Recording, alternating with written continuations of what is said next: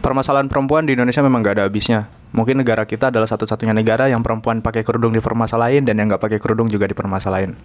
Pada kali ini gue mau uh, diskusi, mau bincang-bincang dengan salah satu teman gue yang punya organisasi uh, tentang per- keperempuanan, khususnya tentang feminisme. Langsung aja gue Ahmad Rosidin dan inilah Filosofi Billy.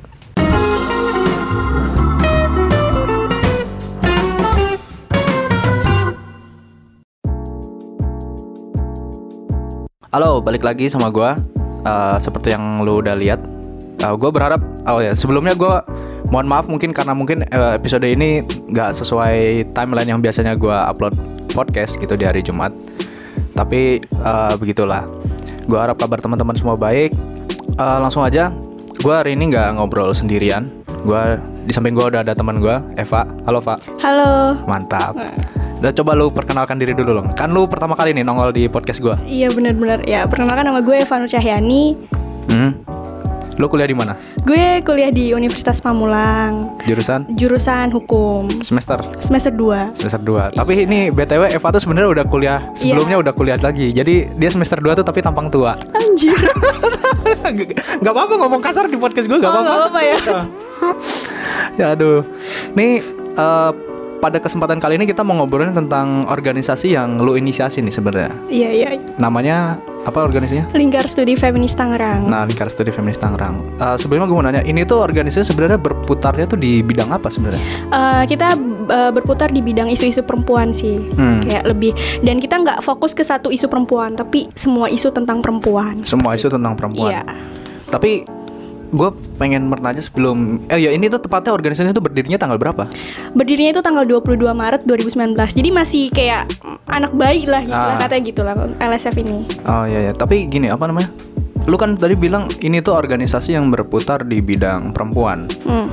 Nah, kenapa pakai nama feminis gitu? Sementara seperti yang lu tahu, feminis kan banyak yang nggak suka dengan nama itu sendiri. Banyak orang yang alergi dengan nama feminis itu sendiri di Indonesia khususnya kaum kaum kanan mentok itu. Ya. Nah ini kenapa nih? Ini kenapa pakai nama feminis? Iya, jadi eh, sejarahnya sih kenapa hari ini nama organisasi komunitas gue ini lingkar studi feminis karena gue sendiri, hmm, Apa?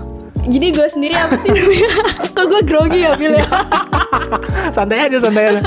jadi karena eh, gue sendiri belajar tentang feminis itu kayak gimana dan Hmm. menurut gue eh, feminis itu nggak seperti yang dipirka- difikirkan oleh orang-orang kanan mentok tersebut gitu Ah. loh, kayak gitu. Emang buat lu feminis apa emang berarti? Fe- feminis itu Hmm. eh feminis itu bukan hanya perempuan, Hmm. tapi juga apa namanya ya? Bisa dibilang itu adalah sebuah ideologi untuk perempuan tersebut kayak gitu. Ideologi untuk perempuan tersebut Iya. ya. Gue juga belajar sedikit tentang feminis kan dan gue sebenarnya juga anggota dari LSF ini sendiri gitu Iya, sebenarnya iya, jadi iya. sebenarnya unik banget gue mau wawancarai ke, ke presidium gue sendiri gitu Oke oke. nah tapi eh, gini apa kalau misalkan ini disebut sebagai sebuah organisasi gitu Hmm. apa aja yang udah dilakukan oleh LSF ini dalam selama dia berdiri tuh apa aja yang udah dilakukan Selama LSF berdiri ini taktik pemberdayaan kita sendiri itu yang pertama adalah eh, sekolah literasi feminis di mana itu menjadi salah satu program pertama dari LSF yang salah satunya itu adalah eh, bagian dari kaderisasi untuk LSF itu sendiri. Hmm. Kemudian selain itu kita juga melakukan eh, diskusi-diskusi mingguan dan Hmm. itu sebenarnya fokus gue sih sebenarnya. Jadi gue pengennya teman-teman eh, di Tangerang Raya ini paham terkait feminis, terkait isu-isu perempuan, lebih aware gitu loh. Bukan berarti tidak ada organisasi perempuan. Cuman gue pengennya kalau diskusi yang mingguannya itu sebenarnya terbuka apa gimana terbuka. Terbuka buat bukan umum. hanya- Iya, bukan hanya untuk teman-teman LSF tapi juga siapa pun yang memang mau belajar terkait isu-isu perempuan, silahkan gitu. Kayak Hmm, gitu. Infonya biasanya diposting di IG ya setahu gue Iya, ya. IG-nya. IG-nya di at Lingkar Studi. Oh ya, Ingkit at Lingkar Iya. Studi. Ah, ah. Ini sebenarnya eh, menurut gua apa ya? Tentang organisasi keperempuanan itu sebenarnya menurut gua unik. Karena tadi yang udah gue bilang gitu. Indonesia tuh tentang perempuan tuh semuanya serba salah. Serba salah. Serba salah dari yang mulai Indonesia tuh apa ya? Ada satu masyarakat di mana dia nggak pakai kerudung dipermasalahin. Tapi di sisi lain ada yang pakai cadar pun juga dipermasalahin. Jadi menurut gue perempuan tuh posisi serba salah. Nah, lu dalam menginisiasi LSF ini apakah terinspirasi dari orang atau misalkan apa gitu turning point lu gitu? Eh, kalau gue sendiri terinspirasi dari diri gue sendiri sih. ini Ya. ini sinting emang. gimana tuh gimana? kejadian-kejadian yang gue alami selama gue berorganisasi Hmm. eh, di salah satu organisasi yang memang eh, apa ya pemikiran-pemikiran pemikiran-pemikiran mereka yang kolot Hmm, misoginis gitu. ya misoginis kemudian patriarki yang membuat gue hari ini gue harus bangun lingkar studi feminis bahwasannya gue pengen kasih tahu ke teman-teman bahwa perempuan juga mampu untuk eh, di ruang ruang publik seperti itu Hmm. Kayak Emang apa sih kegelisahan-kegelisahan yang lu rasakan secara pribadi nih sebagai seorang perempuan tuh emang apa aja? Eh, yang yang pertama itu ketika gue berorganisasi di salah satu organisasi yang memang merendahkan eh, perempuan kemampuan perempuan itu adalah satu salah satu keresahan gue. Setelah itu juga eh, ketika gue gabung di organisasi perempuan eh, mereka itu kurang aware terkait isu-isu perempuan hanya sebatas diskusi-diskusi tapi eh, apa ya namanya untuk isu-isu itu kurang gitu. Hmm. kayak gitu Hmm, untuk se- sebagian isu kurang ya. Iya. Oh ya, kan gue juga ngikutin, gue kan juga nge-follow IG lo. Iya. Ya, sebenarnya kita saling follow-followan sih. oke oke nah, waktu itu apa lu kan selain di LSP juga kan lu aktif di LBH Apik ya. Itu Iya. lu ngapain sih? Eh bentar LBH Apik sendiri dulu ngapain tuh? LBH Apik tuh apa buat mungkin teman-teman yang belum tahu itu apa? Ya, jadi kalau LBHP itu adalah uh, lembaga bantuan hukum untuk uh, perempuan yang mengalami ketidakadilan. Di sini bukan hanya ketidakadilan di sini bukan hanya uh, kekerasan dan sebagainya, tapi perempuan yang memang tidak memiliki uh, tidak didapatkan akses hak-hak perempuannya. Jadi uh, LBH Apik uh, di sini itu mendampingi korban-korban perempuan, kemudian korban-korban kekerasan terhadap perempuan gitu. Hmm. Kayak gitu. Nah, kalau LBH Apik sendiri sama LSF ini karena lu aktif di keduanya apakah ada kolaborasi nggak sih di antaranya tuh? Uh, akan ada. Akan, Akan ada. ada, Akan iya. ada dalam bentuk Dalam bentuk kita akan buat posko pengaduan. hmm, Mm-mm. posko pengaduannya tuh kayak gimana tuh? Jadi posko pengaduan di sini adalah uh, terkait kekerasan seksual ya. Jadi bukan hanya di uh, kampus tapi juga di masyarakat luas. Kalau misalnya ada uh, korban-korban kekerasan yang memang dia tidak uh, salah satunya di Tangerang Raya ya, dia tidak memiliki akses kemudian sebagainya kita mendampingi untuk uh, sampai akhirnya kita akan eh, apa namanya dampingi ke LBH Apiknya karena kan me- mereka yang paham terkait eh, penanganan, terkait pendampingan terkait LBH Apik kita sambil belajar lah. Ya, sambil belajar lah ya gitu. heeh. Calon penerus bangsa ini memang hebat ya, Oh, hebat iya, ya mas iya. sebenarnya. oh iya sama ini. Waktu itu gue lihat uh, snapgram lu lu ikutan rapat yang uh, RU kekerasan seksual. Iya, iya. Ya, itu itu gimana ceritanya lu bisa di sana? Eh, bisa karena gue di situ waktu itu mewakilin dari LBH Apik. Hmm. Jadi gue di bagian divisi eh, perubahan hukum Hmm. dan di sana sebenarnya oleh LSF juga diundang, cuman karena dadakan, Hmm. Dadakan. jadi gue nggak bisa ngasih tahu ke teman-teman, termasuk salah satunya lo gitu. Ya, soalnya gue menurut gue itu keren aja gitu. Iya, lu iya, bisa ikut nonton para wakil-wakil rakyat yang lucu-lucu itu. Iya, gitu, lucu banget, Bil. untuk berdebat masalah RUU gitu menurut gue unik aja sih, Iya, keren iya. keren. Ya ini menurut gue apa ya? Kayak keren aja sih. Emang sejauh oh ya terus sejauh ini LSF tuh udah sejauh apa sih dikenal publik sebenarnya? Sebenarnya LSF ini udah udah sangat terkenal sih menurut gue ya. Menurut ya. lu sangat Iya, terkenal. Eh, itu sangat terkenal. indikatornya apa aja tuh sangat terkenal tuh? Jadi eh, di salah eh, salah satunya itu di Jakarta di daerah Jakarta karena kan memang eh, di Jakarta ini maksudnya mereka juga mencari mitra, mencari Hmm. mitra atau kawan terkait eh, jari atau jaringan terkait organisasi-organisasi perempuan dan Hmm. memang di Tangerang ini belum ada. Oh, ini baru yang pertama ya Dan, berarti. dan untuk LSM ini ad- yang menginisiasi Yang gitu menginisiasi. loh. Ha-ha. Ah, iya, Nah iya. itu jadi mereka teman-teman tuh sangat eh, apa ya menerima lah gitu kan, menerima sharing dan sebagainya dan sudah menurut gue sudah cukup terkenal sih. Tinggal kita bagaimana caranya kita eh, membudidayakan ya membudidayakan membudidayakan. Udah kayak Budidaya lele. ya membudidayakan eh, kinerja-kinerja dari LSF itu sendiri sih salah satunya untuk isu-isu perempuan kayak Hmm. gitu Kalau misalkan oh ya bentar, LSF ini anggotanya kebanyakan apa sih?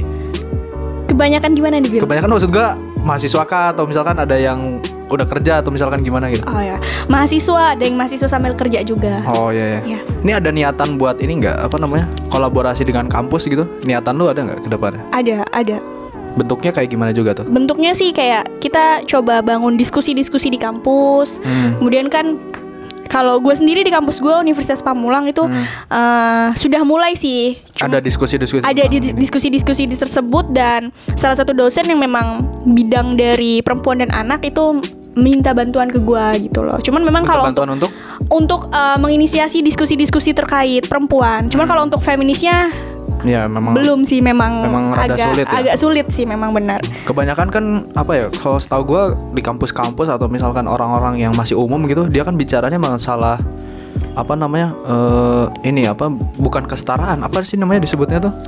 Tentang emansipasi. Emansipasi, emansipasi perempuan. Belum nyampe ke tingkat pemahaman bahwa laki-laki dan perempuan tuh setara di apa namanya kehidupan bermasyarakat gitu kan Memang ini sulitnya sih. Oh ya sebagai organisasi ini apa yang pakai nama feminis tadi, Ya.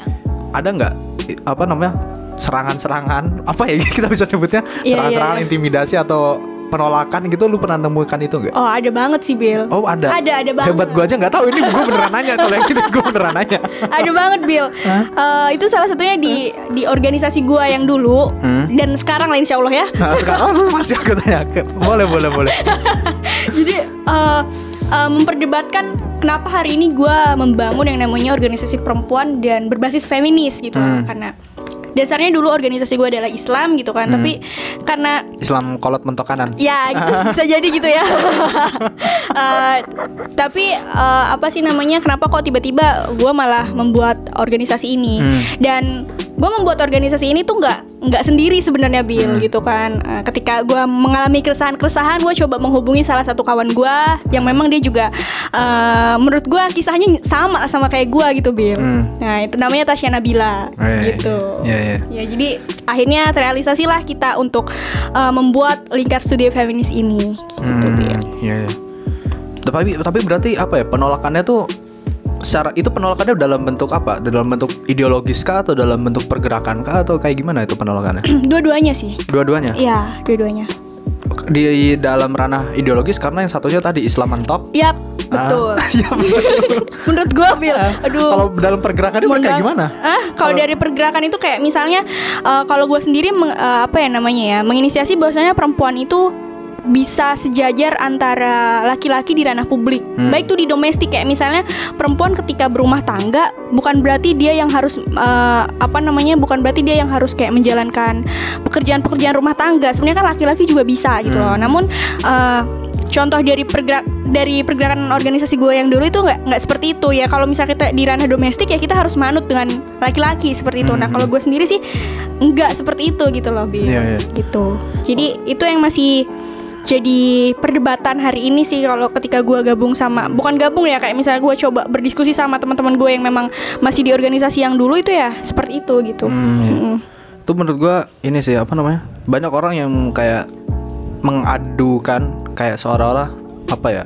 Islam dan feminis itu bertabrakan gitu. Ini Iya, padahal iya. kalau lo tahu Eva aja pakai kerudung loh. Iya, Ya kan? betul, betul. Gua malah anak UIN pakai celana pendek. Iya iya iya iya iya. ini apa namanya? Tapi ini apa? Gue juga tahu lu pernah ikut beberapa diskusi tentang uh, perempuan dalam kacamata Islam gitu. Hmm. Nah itu kalau menurut lu sendiri, apakah ide tentang feminisme ini dan ide tentang Islamisme ini bisa bersatu? Menurut gue bisa. Nah, salah satu kenapa hari ini gue juga eh, membuat lingkar studi feminis ini karena pemikiran-pemikiran kawan-kawan gue yang kolot tadi Hmm. terkait eh, feminis yang katanya bahwasannya feminis itu adalah aliran barat. Aliran ya lu barat. mungkin sering Ya, ya. denger lah ya Nah. eh, feminis itu eh, apa namanya murtad dan sebagainya, Ah. liberal dan sebagainya. Tapi kan ketika sebenarnya kalau memang mereka benar-benar mempelajari, Hmm. itu kan nggak seperti itu gitu loh. Oh iya ya, pertanyaan lu tadi gimana? Gue lupa coy. Apaan? Yang mana? Yang terakhir, yang terakhir. yang terakhir yang apa? Dalam bentuk gerakan? Iya, eh enggak yang apa namanya tadi yang eh, feminis Islam ya. Oh ya, feminisme. Iya, yang menurut gua menurut gua bersinam, bersinambungan karena eh, gue pernah ikut diskusi terkait eh, feminis Islam, kemudian gender dalam berbasis Islam bahwasannya ya eh, agama Islam juga apa namanya sangat-sangat mm, feminis menurut gua. Hmm. Ya. Sebenarnya apa ya? Kalau misalnya kita ngomongin agama kan sebenarnya tergantung tafsir kepala orangnya Iya, aja, iya gitu betul, kan? betul betul betul. Itu kan sama dengan kayak apa ya? Mungkin lu lebih paham masalah undang-undang gitu kan? Undang-undang kan juga multi tafsir kan? So. Begitupun dengan ayat suci sebenarnya gitu kan. Mm. Kalau lu misalkan pro dengan perempuan ya tafsirnya akan sangat pro dengan perempuan. Perempuan. Kalau misalkan lu sangat misoginis, ya tafsirnya pun akan berbau misoginis, Misoginis. misoginis juga. Ya. Ini menurut gua eh, apa ya organisasi-organisasi juga yang seperti ini harus dikembangkan sih. Karena ya itu tadi pemikiran keluarga gua pun juga sangat kolot sebenarnya tentang masalah peran publik perempuan gitu. Nah kalau dari lu sendiri, saran lu sendiri, apa yang harus dilakukan oleh misalkan teman-teman aktivis di luar sana yang dia bergerak di bidang perempuan menghadapi orang tua orang tuanya yang masih sangat-sangat kolot gitu. Menurut lu kayak gimana? Apakah disuruh ajak buat ikut diskusi di LSF? bisa juga, bisa.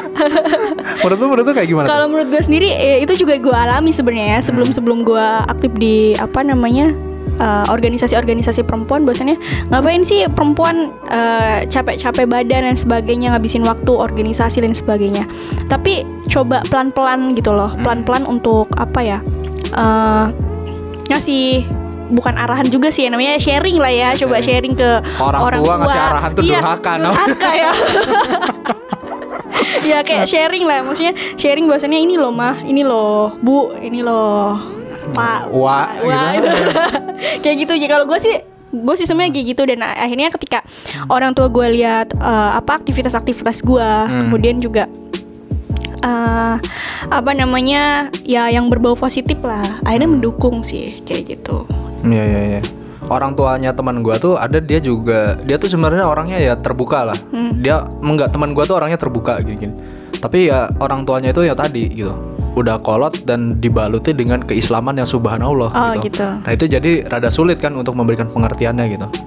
Apalagi diajak diskusi ternyata yang begitu kan Susah ya? sulit juga buat diajak diskusi.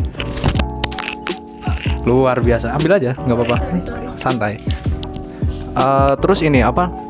Gimana? Eh, saran-saran lo Hmm. atau misalkan eh, apa ya apa yang ingin lu katakan kepada teman-teman di sana yang masih belum terbuka diskusinya gitu tentang feminisme khususnya buat perempuan sendiri. Karena gue tahu perempuan banyak yang oh, lu ngapain sih ikutan feminis feminis begituan? gitu. Udahlah Iya. lu jadi perempuan yang kalem-kalem aja lah di rumah gini-gini.